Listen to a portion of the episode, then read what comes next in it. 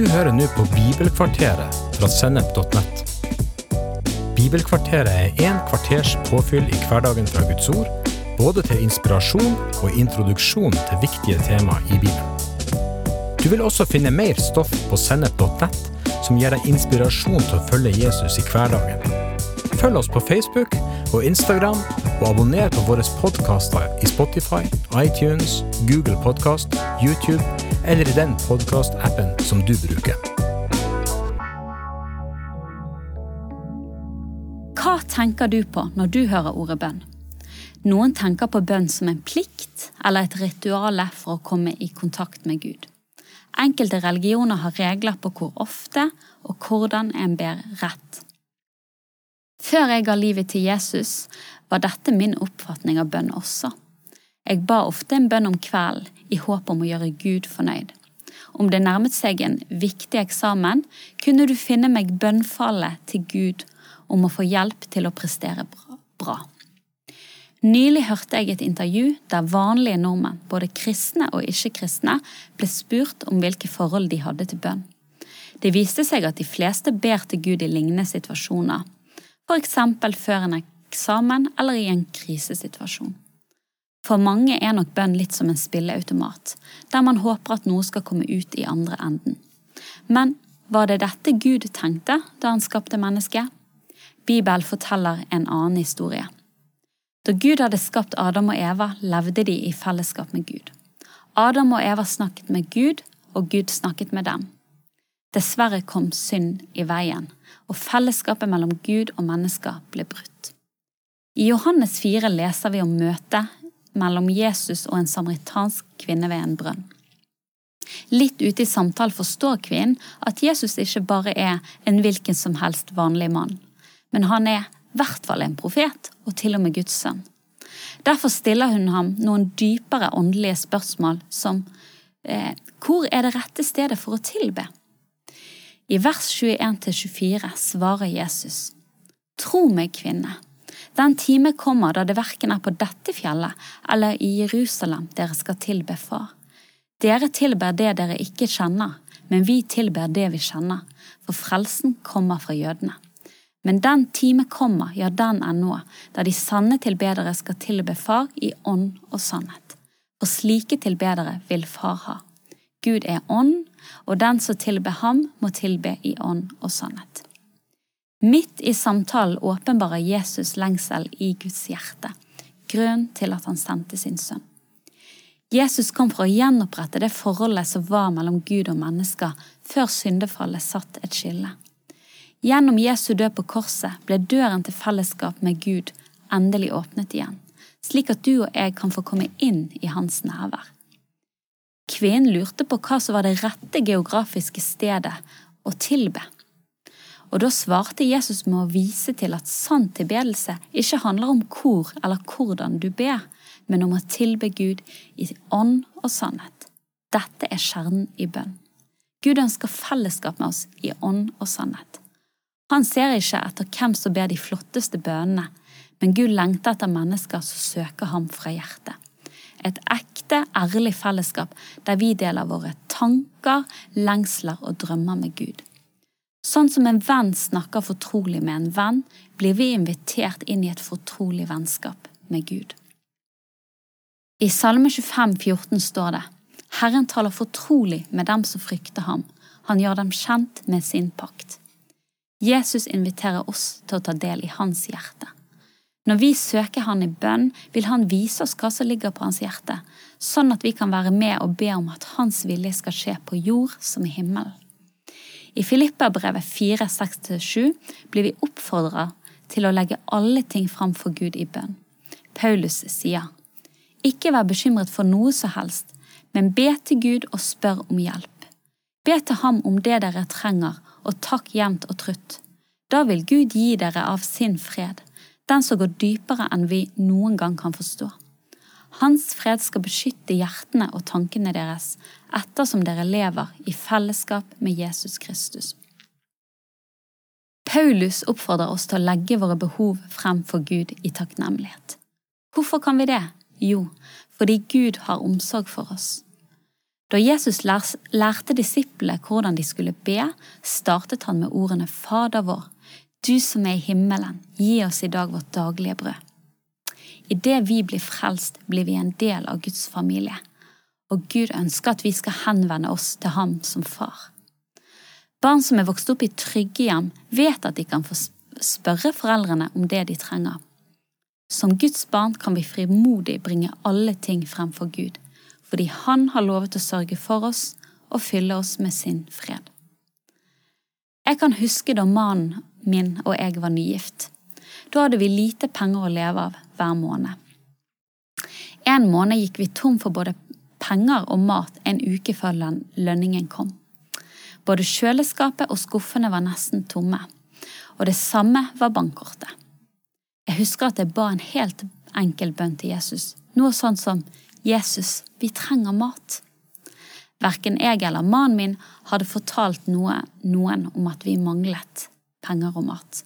Men likevel, i løpet av ca 30 minutter ringte det på døren.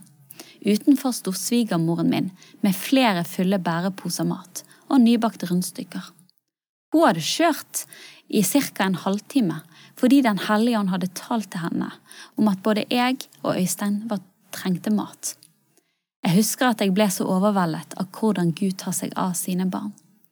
Siden den gang har vi fått oppleve at Gud har forsørget oss på mange ulike måter og møtt våre behov. Gud har vist at han er trofast og ønsker å ta seg av sine barn. Sånn som han sørget for oss, vil han også sørge for deg. Det er kraft i bønn. Gud har fellesskap med sitt folk gjennom bønn. I sted leste vi i Salme 25, 14, at Herren taler fortrolig med de som frykter Han. Han gjør dem kjent med sin pakt. Gud inviterer oss til å være med og se Hans vilje skje gjennom våre bønner. I Matteus 9 finner vi et eksempel på dette. Jesus reiser rundt og forkynner evangeliet i byene og landsbyene. Han helbreder mennesker fra både sykdommer og plager. Det står at da han så folkemengden, ble han grepet av inderlig medlidenhet med dem fordi de var spredt omkring og som sauer som manglet en hyrde. I Matteus 9 vers 37 og 38 sier Jesus til disiplene, Høsten er sannelig stor, men arbeiderne er få. Be derfor høstens herre å drive ut arbeidere til sin høst. Jesus er grepet av kjærlighet til mennesker, og han deler sitt hjerte med disiplene. Han lærte disiplet å be om at Gud må sende ut arbeidere til de som ikke kjenner han. Siden den gang har kristne gjennom 2000 år bedt om at Gud skal drive ut arbeidere til høsten.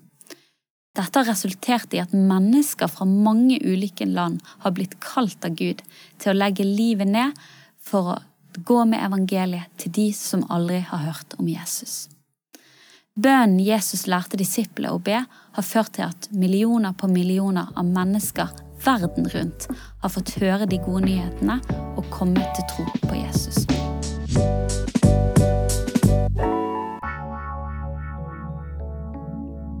I Jakob 5, 16 står det et rettferdig menneskes bønn er virksomt og utretter mye. Gjennom Jesu død er du og jeg gjort rettferdig, og vi kan komme frem for Gud i bønn med stor frimodighet. Charles Spurgeon, en forkynner som levde på 1800-tallet, sa bønn beveger den hånd som beveger verden. Dette er godt sagt. I Matteus 28 sier Jesus, meg er gitt all makt i himmel og på jord. Når vi søker Gud i bønn, får du og jeg ha audiens med skaperen av hele universet. Han som er gitt all makt i himmel og på jord, bøyer sitt øre ned til oss for å lytte til våre bønner og handle på vegne av dem. Gud har ett kriterium for å kunne svare bønn. Hebreerne 11,6 sier Uten tro er det umulig å være til glede for Gud. For den som trer frem for Gud, må tro at han er til, og at han lønner dem som søker ham. Gud vil lønne dem som ber til ham i tro på at han svarer.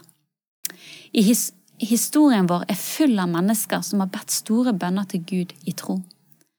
Gjennom deres bønner ble historien formet og Guds vilje gjennomført på jord.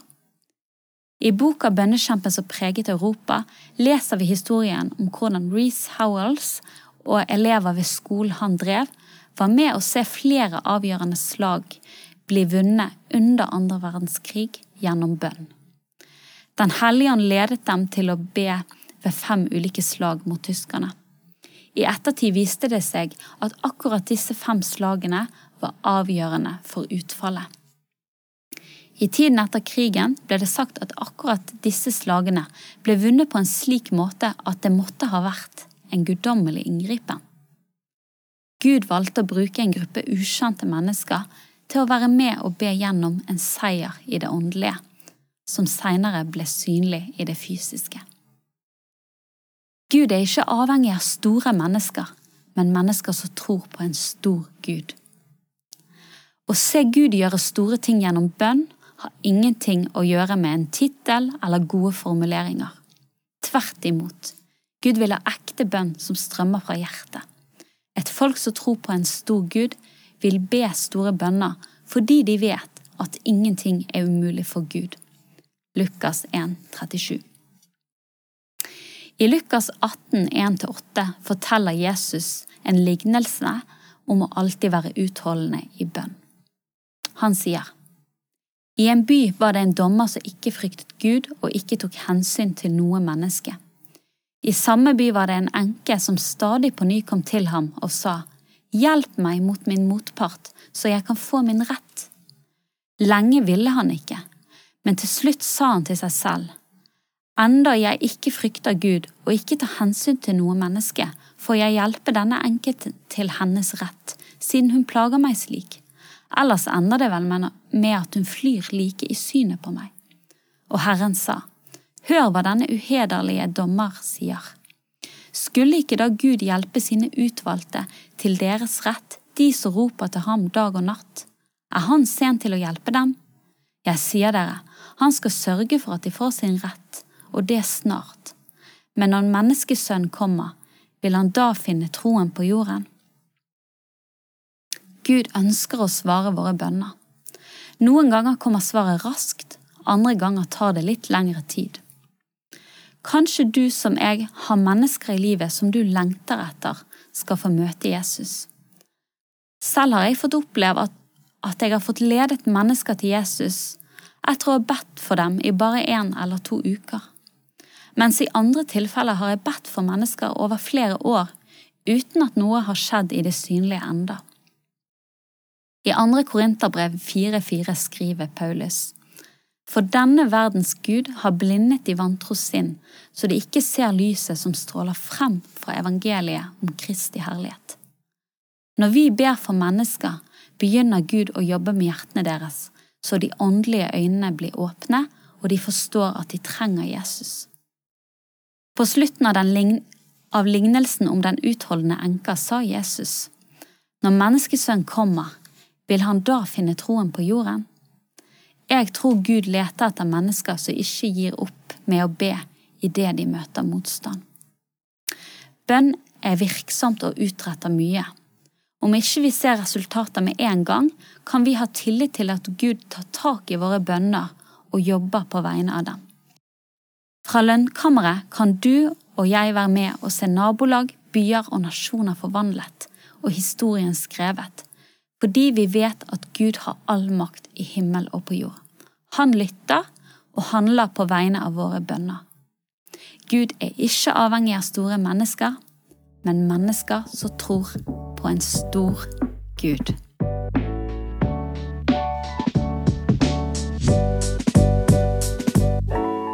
Du har hørt en episode fra Bibelkvarteret på sennep.nett. Du vil også finne mer stoff på sennep.nett som gir deg inspirasjon til å følge Jesus i hverdagen. Innholdet på Sennep er gratis og tilgjengelig for alle, takket være økonomisk støtte fra kristent nettverk, menigheter og enkeltpersoner. Du kan også hjelpe oss ved å be for oss at vi skal forkynne ordet med frimodighet. Ved å dele innholdet vårt med venner og bekjente.